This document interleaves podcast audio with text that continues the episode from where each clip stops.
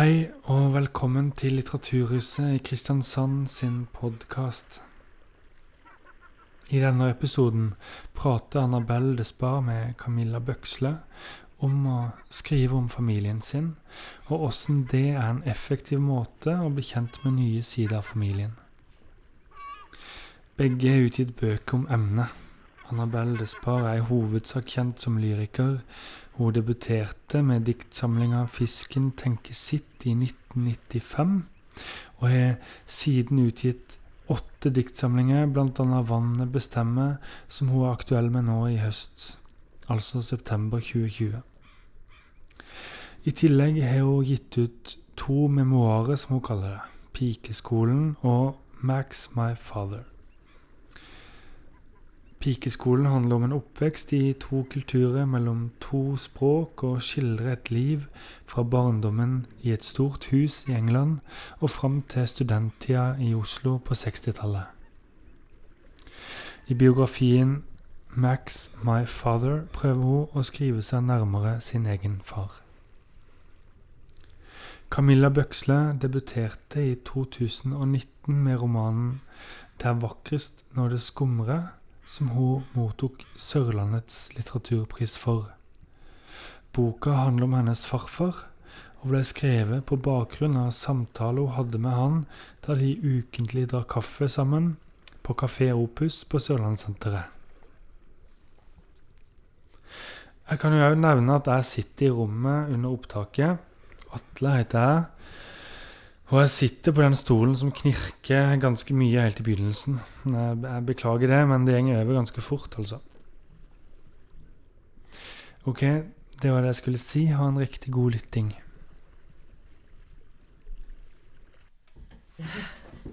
Hei, Camilla. Hei, Annabel. Ja, altså, det må bare sies først at Camilla og jeg kjenner hverandre ganske godt. Og vi har snakket sammen før. Eh, men vi kan jo presentere hverandre. Ja. Eh, Camilla, kan ikke du presentere deg selv og så si hvordan du begynte å skrive? For poenget er altså vi begge debuterte sent. Det tror jeg vi har til felles. ja. Det ble en lang presentasjon. Ok. Ja, jeg heter Camilla Bøksle. Jeg er, det er jo relevant i denne sammenhengen. Det er 59, nei, 49 år. Og debuterte i fjor, i 2019, med 'Det er vakrest når det skumrer', en roman om eh, eh, Skal vi si eh, en historie over, overgitt over, Over, rakt meg av min eh, farfar, som ble eh, Hvor historien eh, Både som han ga meg, og som eh, vår relasjon ble til en eh, romanform, da. Hva mener du han ga deg eh, en bok, på en måte? Han eh, begynte å fortelle, eller har egentlig alltid fortalt meg eh, om sitt liv, og, og også generasjonene eh, bakover. I hvert fall tre generasjoner bakover, som jeg overhodet ikke har hørt etter når han har fortalt. Og eh, i en fase av hans liv der han trengte en annen form for hjelp enn han hadde, enn han hadde hatt eh, behov for før, så fikk vi et nytt, et nytt forhold som, som ble mer et vennskapsforhold enn egentlig et barnebarn- og bestefarforhold som, eh, som vi hadde hatt før. Og i den prosessen så ga han meg, så begynte han å fortelle, og jeg begynte å høre etter hva han fortalte om. Og, han, eh, og jeg begynte å bli kjent med de menneskene han snakka om, og kunne etter hvert stille nye spørsmål som gjorde at jeg ble kjent med en historie, og Kristiansand Ja. og et helt annet tidsrom enn jeg kjente sjøl. Det er så morsomt. Du, du har jo fortalt um, hvordan det var Det begynte med en bil, gjorde det ikke det? Jo. at du fikk hans bil. Og så dro dere til et veldig romantisk sted og drakk kaffe. Fortell mer om det. Det. Ja, vi, var, vi var stadig på leit etter fantastiske steder å drikke kaffe. Eh, for han hadde et eh, bilde av en kaffe og eh, bakeverk fra tidligere tider som aldri på en måte matcha denne moderne, kjedelige tida som vi befant oss i. da. Men vi endte opp på Sørlandssenteret stort sett nesten hver gang vi var sammen, for det var til slutt der det fungerte best. Både lysforholdmessig og vaffelmessig og kaffemessig. Men jeg syns det er så gøy i boken din hvordan han var helt betatt av Sørlandssenteret. Ja, han var det. Og det tror jeg nok ikke var noe han ville ha vært eh, bare noen få år tidligere. Nei. Men i den fasen av livet som han var i, så var det estetiske ved Sørlandssenteret plutselig en, en helt annen interesse enn det det hadde vært før. Og også tanken på at dette har, noen, har mennesker laga. Ja. Og det å være håndverker og klare å eh, eh, eh, se for seg at man skal bygge noe, og så gjøre det, og så ved, med hendene, da, som han så for seg at de hadde gjort, bygge en så storslagent eh, kompleks da, som Sørlandssenteret er blitt. da. Og så er det veldig fint i din bok, for du, du ironiserer ikke over ham, men det er jo morsomt å lese at han bryter ut 'Å, hvilken arkitektur!' når dere kjører ut til dette monsteret. Ja, Og, men, men du utleverer ham ikke på den måten. Du bare lar det stå. Det liker jeg med den boken din. Ja, og det var ikke Altså, jeg kunne kanskje eh, humre litt av det i begynnelsen, men etter hvert så, så ble det veldig på ordentlig. Det ble veldig på alvor. Og den opplevelsen han hadde av det stedet, eh, ble også eh, Jeg har i alle år før syntes at det å dra på Sørlandssenteret var en veldig tung ting jeg måtte gjøre, eventuelt hvis ikke det var en butikk som Hvis jeg måtte, absolutt, så ble, måtte jeg på en måte ta meg inn igjen hele resten av dagen. og syntes det var veldig tyngende. Men, men etter dette så så, ble, så, så, sto, så sto hele det stedet for meg på en helt annen måte. Eh, og det at vi dro opp sammen, ble etter hvert et eventyr. Og, det, og det, hans opplevelse av lysforhold og skyggevirkninger i Hønnes og Møritz-plakater og, og, og menneskene, damene på Brilleland og de gode vaflene og på en måte så, så, så ble det også min opplevelse av det stedet. da. Sånn at jeg har fremdeles av og til så må jeg opp på Sørlandssenteret bare for å kjenne vår tilstedeværelse der. Og også dette skulle min far ha sett, var hans eh, gjennomgangssetning. Han ville Her skulle min far danse wienervals på disse fantastiske gulvene, store, åpne rommene. Her kunne vi ha hatt en stor fest og dansa wienervals. Så det er også så, så i disse rommene, da, så fikk jeg Så, så åpna jeg opp og begynte å, å høre etter. og og ja, så, så og ble kjent med hans foreldre, hans tanter og onkler, og fikk plassert de inn i hus, inn i gater. Kristiansand inn i hestevogner, inn i eh, Båten. båter, ikke minst. Ja. Og yrker. Og, og også hvordan det, den tida som er så enormt annerledes enn den tida jeg sjøl er vokst opp i. Eh, og så egentlig så nær. At det er min egen bestefar som sitter og forteller dette. Eh, ble jo også veldig sterkt. Jeg tror at man må Man kan høre det, og man kan eh, tenke det at det er en er ganske nær tid. Men man forstår det jo ikke eh, nødvendigvis. For han var en gammel bestefar. Han ble 97, han var født i 1920. Så, så det er jo Kristiansand fra like etter første verdenskrig eh, og opp til nå, Ja. på en måte. Mm. Nei, du tar oss virkelig med inn i den tiden. Det er det som er så spennende. Mm. Og, og derfor kaller du det en roman. Ja, den er skrevet i en romanform, og det betyr også at jeg har jeg har jo dikta inn, jeg har satt sammen eh, mennesker, på en måte. Jeg har sett sammen informasjon som jeg har fått, og, og på en måte også lett etter stemninger og lett etter eh, relasjoner som jeg, jeg var ute etter. Og, så jeg har jo på en måte bygd opp historien rundt eh, i, en, ja, i en romanform. Så det er jo ikke en biografi. Nei, nettopp. Og det, er og det er noen veldig spennende historier inni historien. Mm.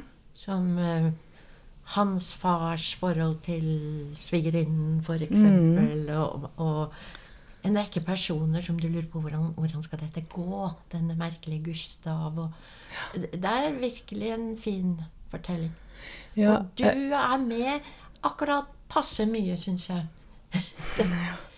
Ja, det er en opplevelse at jeg sjøl eh, trengte gjennom tid, som også har vært en fascinasjon jeg alltid egentlig har hatt. Ja. Å få lov til å gå inn i en annen tid og være med. Ja. Så um, eh, Og så tror jeg den, eh, det at eh, når man vokser opp, man er barn, man er ungdom, man er ung voksen, så så møter man de som har levd før en, på en måte, og de som er gjenlevende, som gamle tanter og gamle onkler, som på en måte er forutsigbare, og som man kan, tror at man kan på en måte se sånn cirka hvem de er. Men det å trenge gjennom og bli kjent med disse som mennesker, mm. hvem de har vært, hva slags lengsler de har hatt, hva slags uh, ting de ville, ting de ikke fikk oppnådd, uh, hva slags relasjoner de egentlig har hatt til hverandre. Og der møtte jeg jo hans foreldre, eh, min oldemor, som har ikke vært snakka om nesten i det hele tatt. Og som eh, var, døde da han var 20. Eh, og hvor da hans far gifta seg med hennes søster. Og som alltid Og som var en veldig elska tante. Og som jeg for så vidt også har hørt har vært mer sånn av convenience at, eh, at eh, han gifta seg. Men så fikk jeg dratt ut en historie som, som jeg ikke var klar over, og som jeg syntes var veldig spennende. Veldig spennende. Mm. Ja. Så det var, det var meg. Og du, Annabelle, hvordan vil du presentere deg sjøl? ja, jeg heter Annabelle Despar og um, debuterte sent. Jeg var 52 år. Ja. Nå er jeg snart 77 år i neste uke. Så det, det, er jo allerede noen år siden. Så jo, jeg er jo allerede vært forfatter en stund. Jeg begynte lære, som lærebokforfatter. Ja. Fordi um, jeg har levd med litteratur hele livet. Mm. Jeg begynte å lese tidlig og var veldig mye alene som barn. Og stupte inn i bøker, sånn som jeg vet du gjorde. Og, um, men litteratur, det var alltid noen, noe som andre mennesker skrev. Ja. Og, men jeg tror jeg har brukt mitt liv Jeg er veldig stolt av mitt yrke. Jeg ble lektor, og så underviste på uh, Ski videregående skole. Og så har jeg undervist på Universitetet litt i Oslo, og mye i mange, mange år på Universitetet i Agder. Og jeg vil si, hvis jeg hadde en sånn mening, en, en, et kall Det tror jeg virkelig jeg har hatt som lærer så var det å formidle språklig glede. Mm. Og glede over eh, hvordan ting kunne sies. Og også kjensgjerninger. Jeg ville jo folk skulle vite hva som har skjedd. Nøyaktig, en viss nøyaktighet. Så faktisk var det Men skrive sånn, det var, det var aldri meg. Eh, så, husker, så, jeg husker faktisk Jo, jo, jo, det hadde jo noen spredte forsøk da jeg var ung. Husker hvor spennende det var en gang jeg satt under et tre og skrev et dikt. Ja. Jeg hørte det var en åpenbaring, egentlig. Ja. Og så begynte jeg å skrive disse. og Jeg husker jeg lånte en skrivemaskin og skrev dem ut. Og det tok jo ganske lang tid. Og så viste jeg det til en engelsk venninne. Og hun var, veldig, hun var litt eldre og veldig important. Og, og kjente en forfatter. Hun, og sånne ting. Så jeg sa um, Kan ikke du se på dette her? Og så sa hun ah, skriv prosa, du. så var jeg jo satt tilbake ganske lenge. Mm. Og så skjedde det at jeg sendte et dikt til Sirene, som var en kvinnetidsskrift. Veldig morsomt. Men da, jeg tror de klarte å miste det. Det har jeg hørt av redaktøren i mange år etterpå. Og så skrev jeg et dikt som jeg sendte til Dagbladet. Og det ble veldig hyggelig kommentert av selveste Simen Skjønsberg. Og han sa dette er et interessant dikt, men jeg skjønner ikke helt metaforikken. Diktet handler om den nye motorveien over Drammen. og jeg tror jeg skrev noe sånt uh, under Venterbyen. Ja. Men så hadde jeg jo skrevet trykkfeil. Og under Venterbuen. Mm. Så det er ikke noe rart han ikke skjønte det diktet. Så, så liksom disse tidlige forsøkene var jo helt spredt. Men så begynte jeg å skrive lærebøker. Eh, engelsk for videregående, og det, det, er noe av det morsomste jeg har gjort. Jeg er veldig stolt av de bøkene. De brukes jo ikke lenger, for alt er digitalt. Men de, de, var så fine, og det var så fin kunst, og det var så masse midler i forlaget. Så vi kunne velge akkurat hva vi ville ha bilder. Og vi fikk så god oppfølging, og vi reiste rundt og presenterte disse diktene. Så alt det var veldig bra. Um, og så begynte da var jeg i England, ja. Så gikk jeg på et skrivekurs om kvelden. Det er det eneste skrivekurset jeg har gått på. Og det var veldig upretensiøst. Det var et lite lokale på en lærerskole, og det var en poet som kom en gang i uken. Og da skjønte jeg, og med hennes hjelp også, at det er i grunnen dikt jeg vil skrive. Så det varte ikke lenge da før diktene kom ut hos uh, Aschehoug i 95. Og det var utrolig spennende. Mm. Ja, dette vet jo du, Atle, hvordan det er å se dine egne ord på trykk i en mm. sånn liten, fin, liten mm. bok. Så dermed var det jo gjort. Så, det, så nå kommer jeg ut da med den syvende diktsamlingen. Mm. Kjempespennende. Men jeg liker veldig godt å skrive prosa.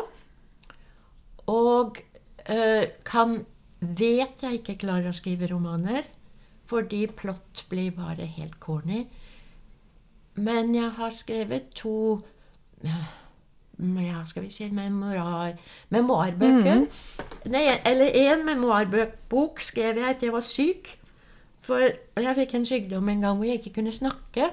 Det var noe lammelse i åndedrettsorganene. Så um, så var, var, jeg ute med noen damer, og så begynte jeg å fortelle litt fra dette. Og så sa de om dette må du jo skrive ned. Så gikk jeg hjem, og samme kveld satte jeg meg ved PC-en. Og da rullet også hele min ø, barndom opp. For jeg mm. hadde en litt rotete barndom. Jeg må mm. si det. Ikke veldig ulykkelig, men rotete. Mm. Og sykdommen og det Sånn som med deg, så gikk det to parallelle tidssfærer mm. der. Ja. Uh, så slo den Altså, den, den uh, ble jo ikke veldig godt mottatt. Den, den, fikk en sekser. Mm. Uh, og det var Tveiten som sa at skal du bare lese én bok i år, så skal du lese denne. Mm. Og det var gøy, men den ble jo aldri solgt noe særlig, eller Nei, men eh, den har betydd den har, Jeg har vært veldig glad for å lese den. Og jeg har jo lest den som en roman, ikke ja. som en biografi, som du kaller det da. Ja, den sjangerblandingen er veldig interessant. Det er en sjangerblanding. Men den mm, Og den viser jo mye av den eh, klasseforskjellen i England, blant annet. Eh, veldig spennende klassereise. Å oh, ja. Hjelp, ja. Mm. Er det en reise som går opp eller ned? Det vet ikke jeg. Nei, men det er også forskjellen også mellom eh, Norge og England. Også. Det er jo en sånn eh, i, en, i, en, tid også, en helt annen tid, som hvor klasse Ja, jeg skrev litt om det. Mm. Og noen ble jo veldig brydd da de hørte det og sa. Skriver du ironisk? Mm. Nei da, jeg skriver ikke ironisk. Jeg skrev slik jeg oppfattet det jeg, da jeg var barn. Mm. Da mente jeg at vi var veldig, veldig fine. Men så har jeg skrevet også en biografi over min far, som jeg kjente veldig dårlig. Og det er litt parallelt og litt annerledes. Jeg kjente ham vel dårligere enn du kjente din bestefar. Og han kom også Min far ble født i 1892. Ja, tenk det. Tenk dere det. Ja. Så det er jo en helt annen tid. Og han var offiser. Han var um, ja, han hadde vel alle fordommene som han hadde. Og f.eks. ekstremt homofob. Mm. Uh, han var ikke han, Jeg tror han kan ha kommet med rasistiske uttalelser, for det var det mange som gjorde. Men jeg tror han hjalp veldig mange jøder til uh, ut av Romania på et visst tidspunkt. Han var diplomat på den tiden. Mm. Så det er en veldig sammensatt figur. Og det tok jeg helt biografisk. Vi hadde masse stoff. Ja, det, Masse artikler, masse brev, masse rapporter, masse CV-er som de lagde. I mange, mange mangfoldige CV-er når de skulle søke ny jobb. Og det var min bestefar. Og det, herregud, det må jo ha vært i 1906 eller noe sånt nå. Men hadde ikke han også en Var, var ikke dette også en sammenheng med Var det eh, James Bond? Å, oh, den, den, ja, den biten av boken, ja. Ja. Ah, det er en lang historie. Ja, min far var offiser. Han var marineoffiser. Han elsket å være til sjøs. Eh, Så eh, kom han ut for en veldig ulykke i Han var med i første verdenskrig. Han var, det er jo ganske rart å tenke på. Og da fikk han mange utmerkelser, for han var veldig snarrådig. Så um, i 1925 var han om bord i et skip. Og det var en kanon som eksploderte, og han fikk revet opp hele hoften. Og burde egentlig ha amputert benet antageligvis, men han var ganske nygift på det tidspunktet og syntes ikke det var så gøy. Og han ehm, Jeg vet at 40 år senere så fant de små biter av uniform i dette såret. det er jo helt Det er jo helt forferdelig. Så han hadde jo smerter er hele livet, men han snakket jo ikke om det. Han haltet jo alltid og gikk med stokk. Mm. Hele mitt liv, i hvert fall. Um, hva var det vi skulle si? Jo, James Bond, ja. Etter, så måtte han omskolere seg. Han tok et franskkurs, og han fortalte meg en gang at han var veldig god eh, Han hadde veldig godt ordforråd, men en helt horribel uttale. Og eh, så ble han eh, marineattaché i Romania. Og det er litt rart, for det er jo ikke egentlig noe skips Det er ikke noe sjø der. Men, men det som er, er jo Donau. Så han satt på ganske viktig eh, punkt på Donau. Og like før krigen så hadde jo tyskerne allerede gjort seg veldig gjeldende. Og var, hadde fullt av folk utplassert langs Donau, som de kalte for roerklubber. Og de rodde energisk på Donau. Og min far tok med barna, det er mine søsken, på båttur. Og min bror forteller at det var masse bilder av oss i forgrunnen, helt utydelig, men veldig tydelige bilder av fort og installasjoner i bakgrunnen. Så, eh, så det som skjedde, var jo at SOE um, Special Operations Executive, er det ikke det? Jo. De var jo med på um, tungtvannsoperasjonen og andre sabotasjer i Norge. Um, begynte med forskjellige ting. Og min far var, kunne ikke vite noe om dette offisielt. Men sa 'send en fyr ut til meg'. Send me a thug. A perfectly ruthless thug.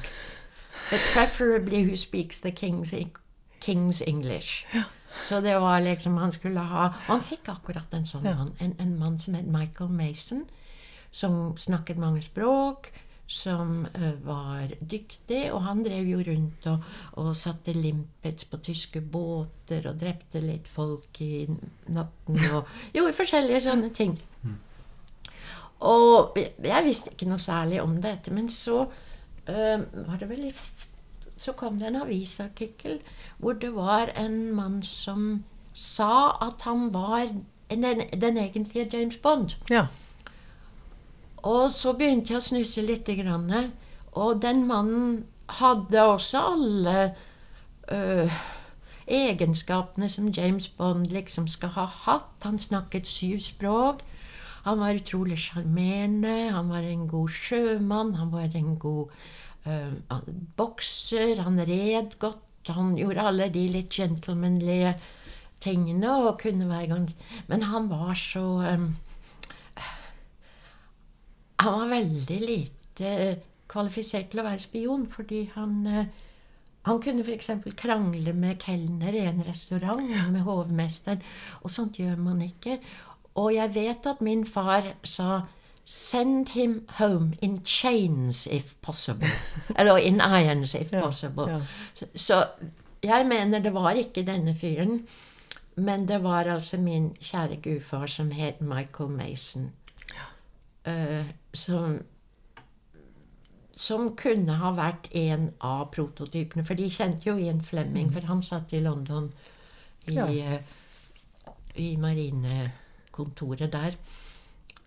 Og det som er min uh, mitt håp, er at min far kan ha vært en av modellene for M. Ja.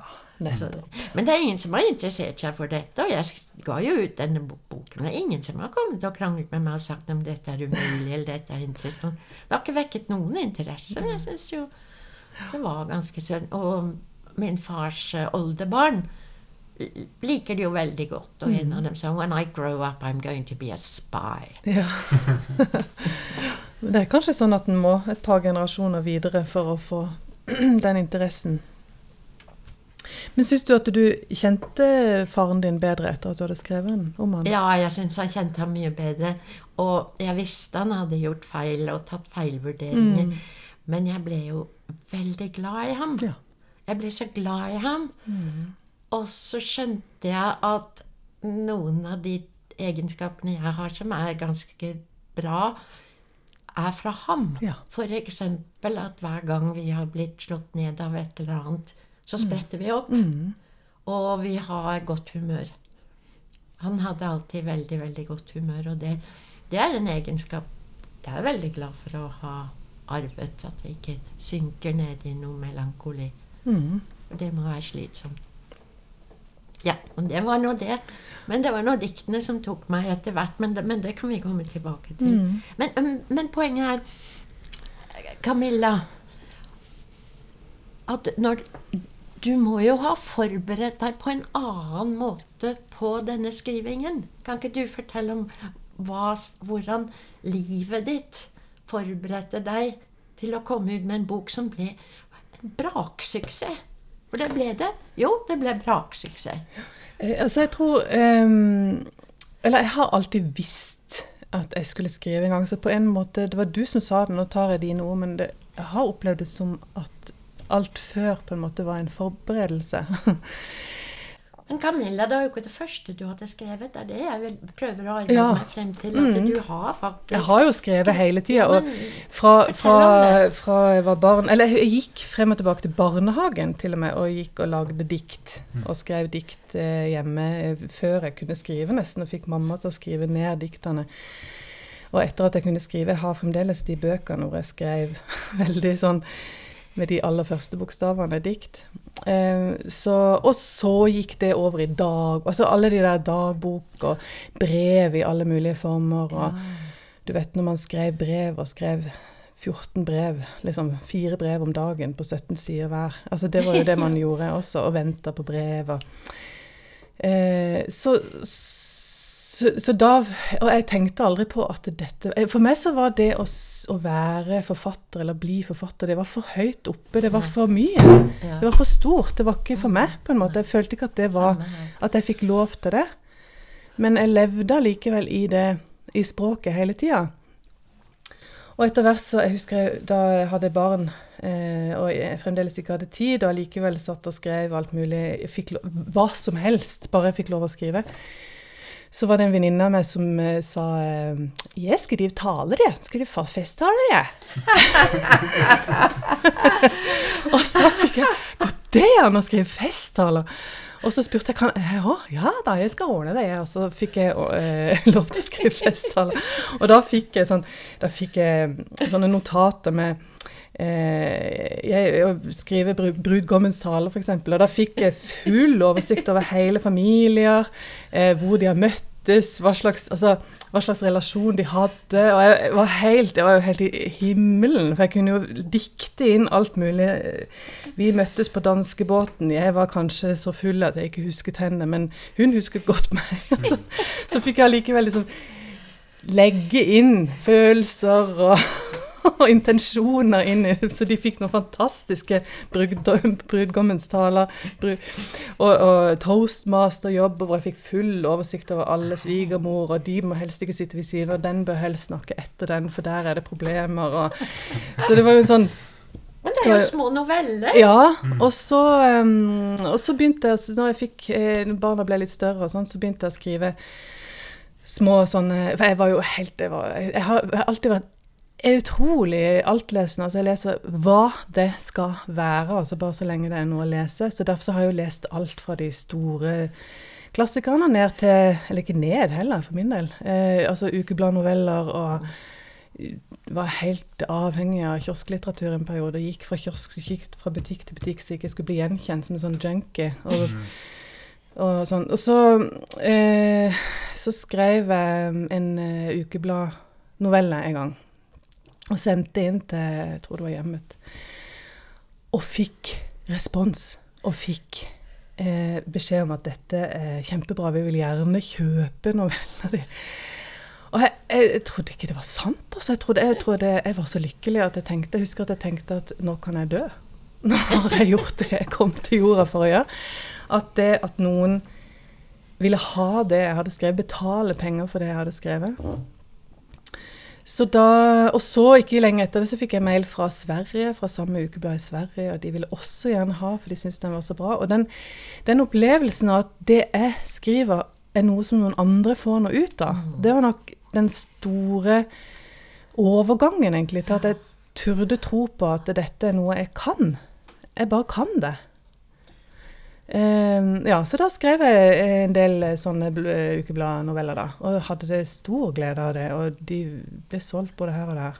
Du har tatt din egen utdannelse selv, du. Dette Ja. var et skrivekurs for deg.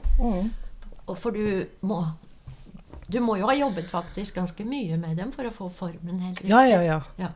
Altså, jeg var lykkelig. Jeg fikk skrive, og jeg tenkte at jeg kan skrive hva som helst. Jeg kan gjerne skrive kiosklitteratur. Helt ok, bare så lenge jeg får skrive. Så det var jo en inngang, på en måte. Det en inngang. Og så begynte jeg å høre, så hadde jeg ørene oppe til alle som sa at de hadde begynt å skrive, altså fortalte om det å begynne å skrive, og, og, og den overgangen. Jeg husker blant annet, jeg husker to ting spesielt. Det ene var Anne B. Ragde, som sa at eh, eh, Nei, så bestemte jeg meg for jeg skal bli forfatter, jeg. Så da ringte jeg til en Kai Skagen, jeg. Eh, så sa jeg Kai, hva skal jeg gjøre da? Jeg skal bli forfatter, jeg. Og så sa han Kai Skagen ja, jeg må lese. Så har jeg lest. Og så, og så var det en eh, Så var det en sannhet for meg. Så var det et sånn mm, Det må jeg gjøre. Eller OK, det går an. Det går an å gjøre. Og så var det Kame Leine som sa at eh, han hadde vært sykepleier. Eh, han hadde skrevet journaler. Eh, og bare observert, eh, ikke tolka, ikke sant? hvor du bare skal observere de du skal ha omsorg for. Om det er eldre eller barn eller eh, Ja. Og, og, og, og, i, i gjennomlesning av de journalene så så han på en måte en historie, og skjønte sjøl at, det, at det er en, en måte å fortelle en historie på hvor du bare beskriver og aldri tolker. Og jeg har vært eh, omsorgsarbeider i hele mitt voksne liv og eh, observert og observert og observert observert eh, barn og voksne psykisk utviklingshemma, eh, alle i alle varianter. Og, eh, og også tenker jeg hatt en sånn nær, nær, nær kontakt med det helt dypest menneskelige. Det har man gjennom barn. Og det har man gjennom voksne og barn som ikke har det filteret, eller den som, som eh, ja, og, og, så det er en sånn ren, spik, ren observasjon av mennesket, på en måte. Og det at han fortalte det, at det går an å på en måte eh, trans, heter det, transformere den, den observasjonen, som jeg også har gjort hele tida, inn i en fortelling, eh, det var også en, en sånn ja, eh, sannhet, eller en sånn eh, lærdom eller læresetning for meg. Og det har med eh, teknikk også. Mm. Fordi teknikken her er å bare rapportere og ikke legge inn tolkninger eller beskrivelser. Mm. Ja. Og særlig ikke lede altså eh, hele tiden. spiller man jo på leserens følelser og leserens reaksjonsevne. Det gjør man jo. Men man må ikke fortelle leseren at man gjør det. Nei. Og det syns jeg var så morsomt. Jeg hørte, og dette ble repetert på radioen forleden dag, den fantastiske boken som heter eh, Tvillingboken Ja. av Agota Hva heter hun? Kristoff. Agota Kristoff. Mm. Uh, hvor det er to tvillinger som da uh, skriver alltid 'vi', og du vet ikke hvem av det er som fører ordet. Og så sier de noe om når de skal fortelle en ting. Vi må ikke lyve. Vi må ikke si 'bestemor er en heks'. Mm. For de bodde hos en grusom bestemor. Det er en fantastisk bok. Men vi kan si Folk sier at bestemor ligner på en heks. Så der er det, det er en så god det er, en, det er en veldig god oppsummering av den teknikken hvor ikke um, man skal fortelle leseren nøyaktig gråt nå. Jeg vil at mine lesere skal både le og gråte. mm. Men jeg skal ikke liksom fortelle dem det. Nei. Det får de gjøre selv. Og jeg mener den beste reaksjonen man har, er at de både ler og gråter. Mm. Jeg hørte Kim Rystad på radioen i dag, og han, første gangen han sang offentlig, så syntes han det var så rart, for det var noen som satt og snufset i salen, og han lurte på om det var skjedd noe forferdelig Ja, ja, ja. Og det var tydeligvis han Mm. nådde frem. Ja, nettopp. Ja, for det, det var også den derre eh, Det at jeg brukte meg sjøl som leser inn i det å skrive eh, Det at jeg er ikke Når jeg leser, så er jeg veldig uinteressert i forfatteren bak. Jeg husker veldig sjelden hva de heter, eller hvem det er. Jeg er ikke noe interessert i de sitt liv, eller hvem de egentlig er.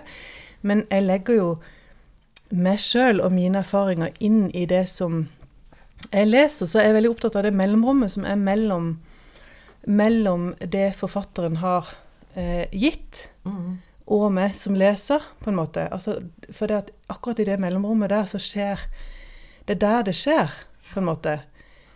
Eh, det er der jeg legger inn mine erfaringer inn i det som forfatteren har gitt. Eh, det, er der, det er jo der mine følelser blir eh, aktivert. For jeg kjenner meg sjøl igjen, eller jeg eh, vil noe med den hovedpersonen som jeg vil skal skje, eller altså Det er, det er det mellomrommet der. Ja, og det tenkte jeg mye på også. Jeg synes, um, altså Med den biografien jeg skrev om min far, så visste jeg ikke helt hvordan jeg skulle gå frem. Men så skjønte jeg en ting. Jeg skal ikke prøve å formidle hans tanker. Ja. Jeg aner ikke hvordan han Nei. tenkte. Så jeg kan aldri skrive noe sånt Der sto min far, han sto ved, på broen og så utover det bølgede havet Mm. og tenkte på den skjønne Nora. For det første hadde det vært veldig corny, men for det andre så hadde det vært falskt. Så min far var altså med i et sjøslag i 1917. Og det jeg har, er forskjellige avisutgaver,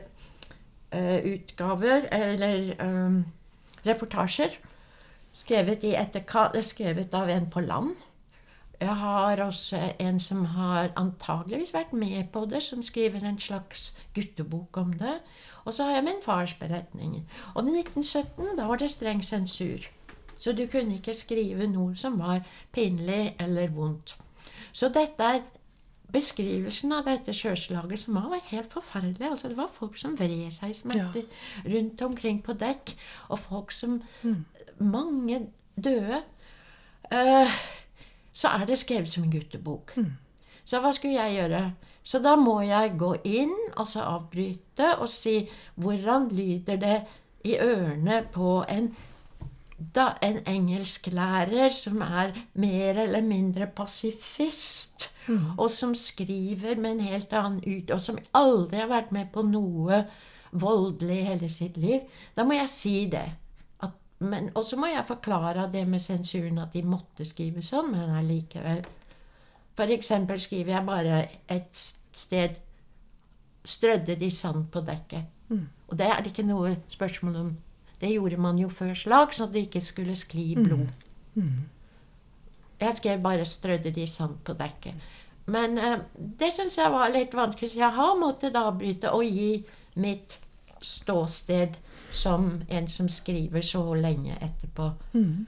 Um, men ellers skal man Enten skriver man om seg selv, eller så holder man seg litt i bakgrunnen. Mm. Men det mellomrommet, det, det er jo interessant, det du sier der. Men jeg syns dette med leilighetslitteratur Det kan være Så jeg kan tenke meg du la din sjel inn i den brudgommens tale. Å ja, ja, ja, ja, ja, absolutt.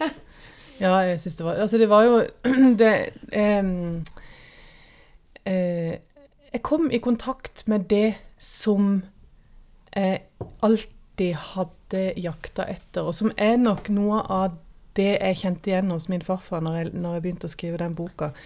Som har vært den der lengst Altså den derre den, det ønsket om å, å liksom Når det begynner å krible, når, det liksom, når du kommer inn i en I en Hva skal jeg kalle det? Du vet hva jeg mener? Eh, I det du Ikke helt, jeg vet ikke helt Nei, når, når hjertet begynner å dunke, oh, ja, og man ja. kjenner at det, nå er jeg inni noe, nå er jeg helt inni ja, en, ja, den en annen Ja. Ja. og, ja, og inni en annen eh, skal jeg si, sfære, nesten. altså. Sånn at det, det, da, da kommer jeg i kontakt med det. ja. Gjennom å bli kjent med disse her svigermødrene og legge inn historier. og og den var skilt, og de måtte for all del ikke sitte ved siden av hverandre. Og de var for gode, gode venner, så de måtte jo heller ikke sitte ved siden av hverandre. Der var det noe. Og, og jeg er kjempenervøs sjøl, og jeg har aldri gjort dette før. Kan du være så snill å hjelpe? Men, og jeg hadde aldri vært i bryllup hvor det var toastmaster engang. Jeg kommer fra hvor sånne store sjøslag av bryllup, og det var ikke noe toastmaster der som Jeg kom fra, så jeg aldri visste ikke hva toastmaster var for noe engang. Så jeg måtte på biblioteket og låne bøker om hva jeg for jeg skulle jo fremstå som en sånn Ja, du må bare komme til meg, jeg skal ordne opp, nå skal du se. Det Og så så- morsomt. Ja, så, så, så det var en sånn forestillingsverden da, som jeg alltid egentlig hadde lengta etter. Som jeg kom i kontakt med, og som endelig fikk være, være i. Som ikke handla om at noen skulle egentlig se det jeg hadde gjort, eller lese det, men jeg fikk være der. Det var det som handla om Her er det to ting. For det første er det det du snakker om, den spenningen. Og da jeg skrev først, eller skrev det, så det var som en hemmelig last. Og jeg liksom fortet meg bare Kan jeg skrive litt nå? Og så gjemte jeg jo tingene i en skuff. Ja. Og det, det, det var en hemmelig last, og så spennende å tenke på. Um, og så er det dette med, med, med leilighetsdikt. Fordi um, jeg har jo skrevet dikt til alle mine barnebarn. Ikke hele tiden, for det hadde jeg ikke klart. Og jeg syns dette er noe av det vanskeligste jeg gjør, for det, det må jo rime. De må ha rim. Ja. Ellers er det bare tull. ja. Og det verste var jo Jeg skulle skrive til uh, en som heter Hans Jørgen. Jeg tror han fylte ti år eller noe sånt. Og så, så måtte jeg bare si jeg skal skrive et dikt til Hans Jørgen, men ingenting rimer annet enn pørgen. Og ingen vet hva en pørgen er. Har han fingre, har han tær? Bor han i hytte, bor han i hus? Drikker han Nei, drikker han cola, snuser han snus? Ja. Og jeg holdt jo bare en uke minst. Og så måtte det jo illustrere, så jeg måtte på hobbyhimmelen og finne noe glitter jeg kunne ha. Jeg holdt jo så på med det diktet. ja. Og da var jeg veldig fornøyd etterpå, fordi for da forteller hans mor Anna at han hadde vært noen gutter på besøk på rommet hans. Og de hadde sagt eh, ja, Hva er det for noe? Ah, det er min mormor. Hun er forfatter. ja. Åh, liksom, og hele familien vroom, Så stolt. Så det Men det jeg føler her, er Der fikk jo du um, stoff. Jeg har skrevet et lite dikt om dette med å bruke Ja. familien. Fordi en av de tingene som ligger under her og vaker, er jo det store etiske spørsmålet om hva kan vi utlevere om vår egen familie. For dette er det nærmeste vi har, og vi kjenner det veldig, veldig godt. Og det er noen fortellinger der som du kunne bare grøsse av og frydes over. Men hvordan skal vi gjøre det? Så det har jeg skrevet. Begynn med familien. Ta fire tanter. Rull dem sammen som plastelina til én tante. Ta en onkel. Klon ham til mangfoldige eksemplarer av ham selv. De leverer DNA. Et hårstrå er nok. genetisk byggestein til min fortelling. Det er veldig godt. At vi må omforme dem. Ja. Vi må mangfoldiggjøre. Eh, vi må sette et speil som både forstørrer, forminsker og forvrenger. Mm. Men de er der som stoffet. Mm. Det er det vi har å jobbe med. Camilla, du skriver jo om veldig nær familie. Og de lever. Mm. Ehm, hvordan reagerte familien på denne boken? Som er veldig ærlig. Mm. Jeg har fått bare gode tilbakemeldinger. Og, eh, men det er klart, altså jeg hadde jo de på skulderen hele tida. Det er en balansegang som er ganske Som jeg nok kanskje egentlig ikke var klar over før, eh, i det rett før han skulle gis ut, nesten. Jeg har nok hatt en sånn, en sånn indre GPS som har skjønt hvor jeg skulle gå og hvor jeg ikke skulle gå. Men det er noe med at du, hvis du skal lage et menneske, eller eh, beskrive et menneske, ikke lage et menneske, men beskrive et menneske, så er du nødt til å ha både skygge og lys. På samme måte, hvis du skal male et portrett, så kan du ikke male bare lyset. Du må også ha skygge for å, for å liksom lage, gjøre, et, gjøre det til et helt menneske. Og det er jo klart at da, da beveger man seg jo inn i noe som kan være utleverende. Men jeg hadde jo både han, selv om jeg nok var ganske klar over at han ikke kom til å klare å lese den, enten at han ville være for, for eh, bortreist, eh, eller at han ville eh, ikke leve lenger, eh, så hadde jeg likevel det hans ettermæle, det hans historie jeg forvalter, det hans som person jeg skulle beskrive.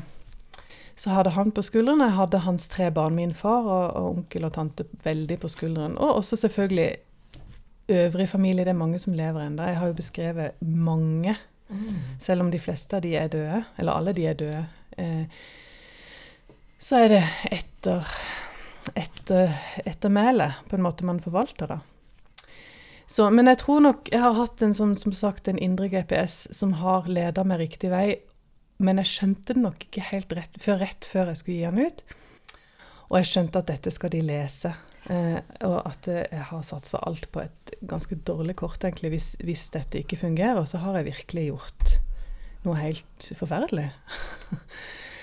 eh, så da var jeg ganske nervøs når jeg ga, ga den til de, særlig de tre. da.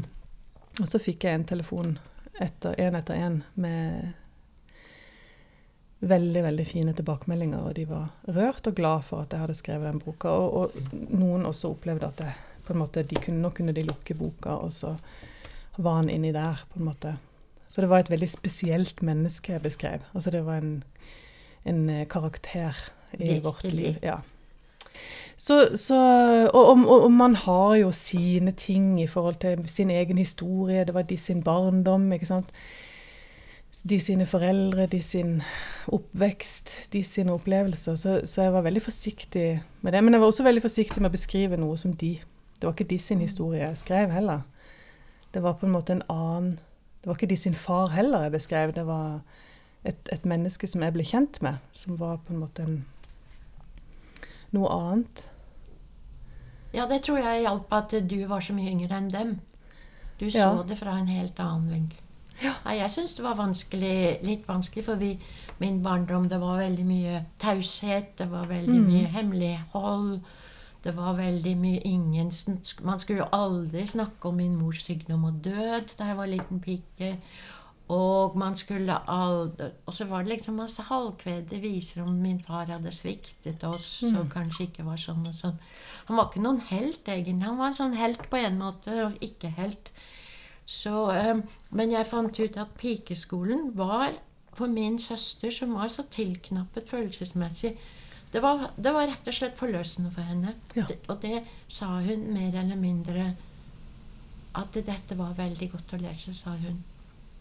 Og, og de var mye eldre enn meg, så de hadde jo en helt annet liv enn meg.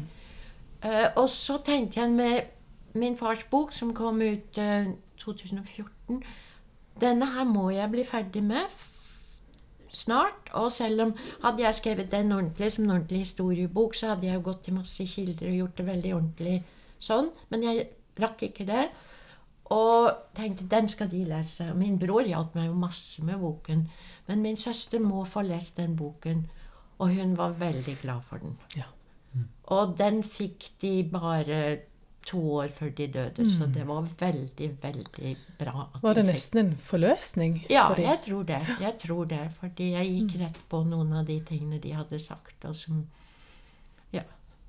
Og min eldste bror, som ikke Han var ikke så veldig snill, men han hadde heller ikke hatt et lett liv, så Ja. Mm. Og på et tidspunkt med pikeskolen så viste jeg manuskriptet til folk. Og da hadde jeg Da forandret jeg noe. Jeg har eh, min tante, En av min, min elskede tante eh, drakk veldig mye på slutten av livet. Og så skrev jeg at første glasset ble hun hyggelig. Ved andre glasset ble hun livlig. Ved tredje glasset ble hun ufyselig. Og da var det en av de andre kusinene som sa du kan ikke skrive det om det mennesket vi elsket høyt. Du kan ikke skrive det! Du får ikke lov! Og så endret jeg og sa første glasset Liv Lennon. Tredje glasset endret hun karakter. Og det tenkte jeg det var mer nøytralt. Mm. For det var jo sånn det var. Man skal ikke skrive sånn. Men det jeg skrev, var hvor forferdelig det er å ikke være ønsket av et gammelt menneske som jeg har elsket så høyt. Um, som ikke ville se meg. For hun var ikke spesielt hyggelig i sin alderdom. Mm. Um, sånn må man få lov til å skrive. Mm. Men du Men jeg tror det du har klart, og jeg tror jeg har til en viss grad klart, er en blanding av nokså nøktern observasjon og stor kjærlighet Mm. til de menneskene vi skriver om. Ja. Og så tror jeg det handler også om at det er ikke, det er ikke, min, altså det er ikke for all del min og hans historie som må fortelles til verden. Men det, det er noe med å se hva er det som er allment, hva er det som på en måte alle mennesker kan oppleve eh, og kjenne seg igjen i. Eh, Ja. at, at dette faktisk er en historie Altså, det er en interessant lokalhistorisk Eh, altså rent uh, historisk så er det interessant. Eh, som som eh, det å skulle inn i alderdommen kan det være interessant. Det å skulle forhold, være to generasjoner kan det være interessant. Det, det er liksom noe med å løfte det inn i noe som er for, Som alle kan kjenne seg igjen i. og Som, og det eh, tenker jeg at du òg har gjort. Når jeg leser Pikeskolen, så vil jeg lett, selv om det handler om helt andre, en helt annen tid og en helt, annen, helt andre forhold enn en jeg kan identifisere meg med, så er det likevel noe jeg kan identifisere meg i. Ja, det syns jeg er så spennende. fordi mm, så Om jeg skriver om en slags kvasi-overklasse i England på 50-tallet, så er noen av de beste leserne jeg har, de har en helt annen bakgrunn fra Nord-Norge eller fra Vågsbygd, mhm, som sier 'Å ja, men vi skjønte jo det. Vi kjente i det igjen'. ja. Men jeg må si man skriver forskjellig fra alder til alder. Mm. Eh, jeg har lyst til å ta opp noe fordi jeg kan ikke skrive en dampende litteratur, syns jeg, lenger nå. Jeg syns ikke det er eh, så interessant for meg, og det passer ikke så godt heller. Men jeg har et dikt om hvordan det er å skrive i den alderen jeg er i. ja, det vil vi høre. Så et siste tabu. Det går ikke an å skrive om barnebarn.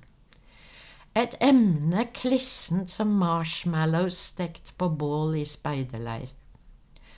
Fremmede passer meg opp med smil og duggfriske bilder på mobilen. En universell plage. Det nytter ikke å oppsøke lege, hun kjenner symptomene. Eufori og utvekst av armer som hos en hindu-guddom. Barna påstår de er mennesker som oss. Retter på capsen, ser ikke glorien, merker ikke at de bærer Den hellige gran. Ja, det er så fint. Og jeg har sett at til og med ganske garvete forfattere kommer med noe ganske klissete utsagn. Der.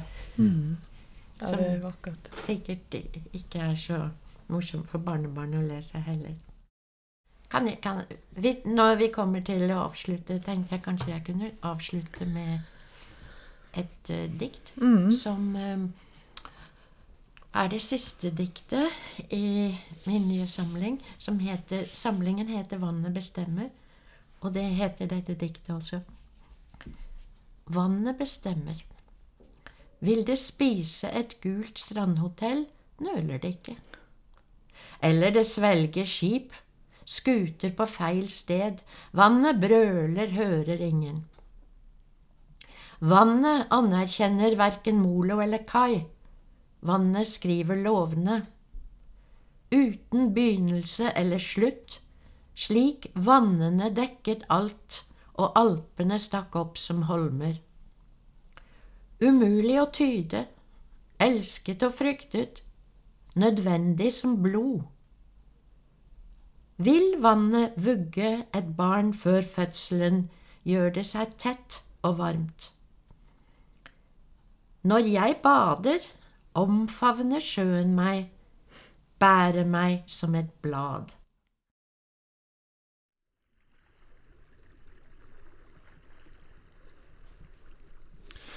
Og denne podkasten er produsert av Atle Haaland for Litteraturhuset i Kristiansand, med støtte fra stiftelsen Kultiva, Agder fylkeskommune og Fritt Ord.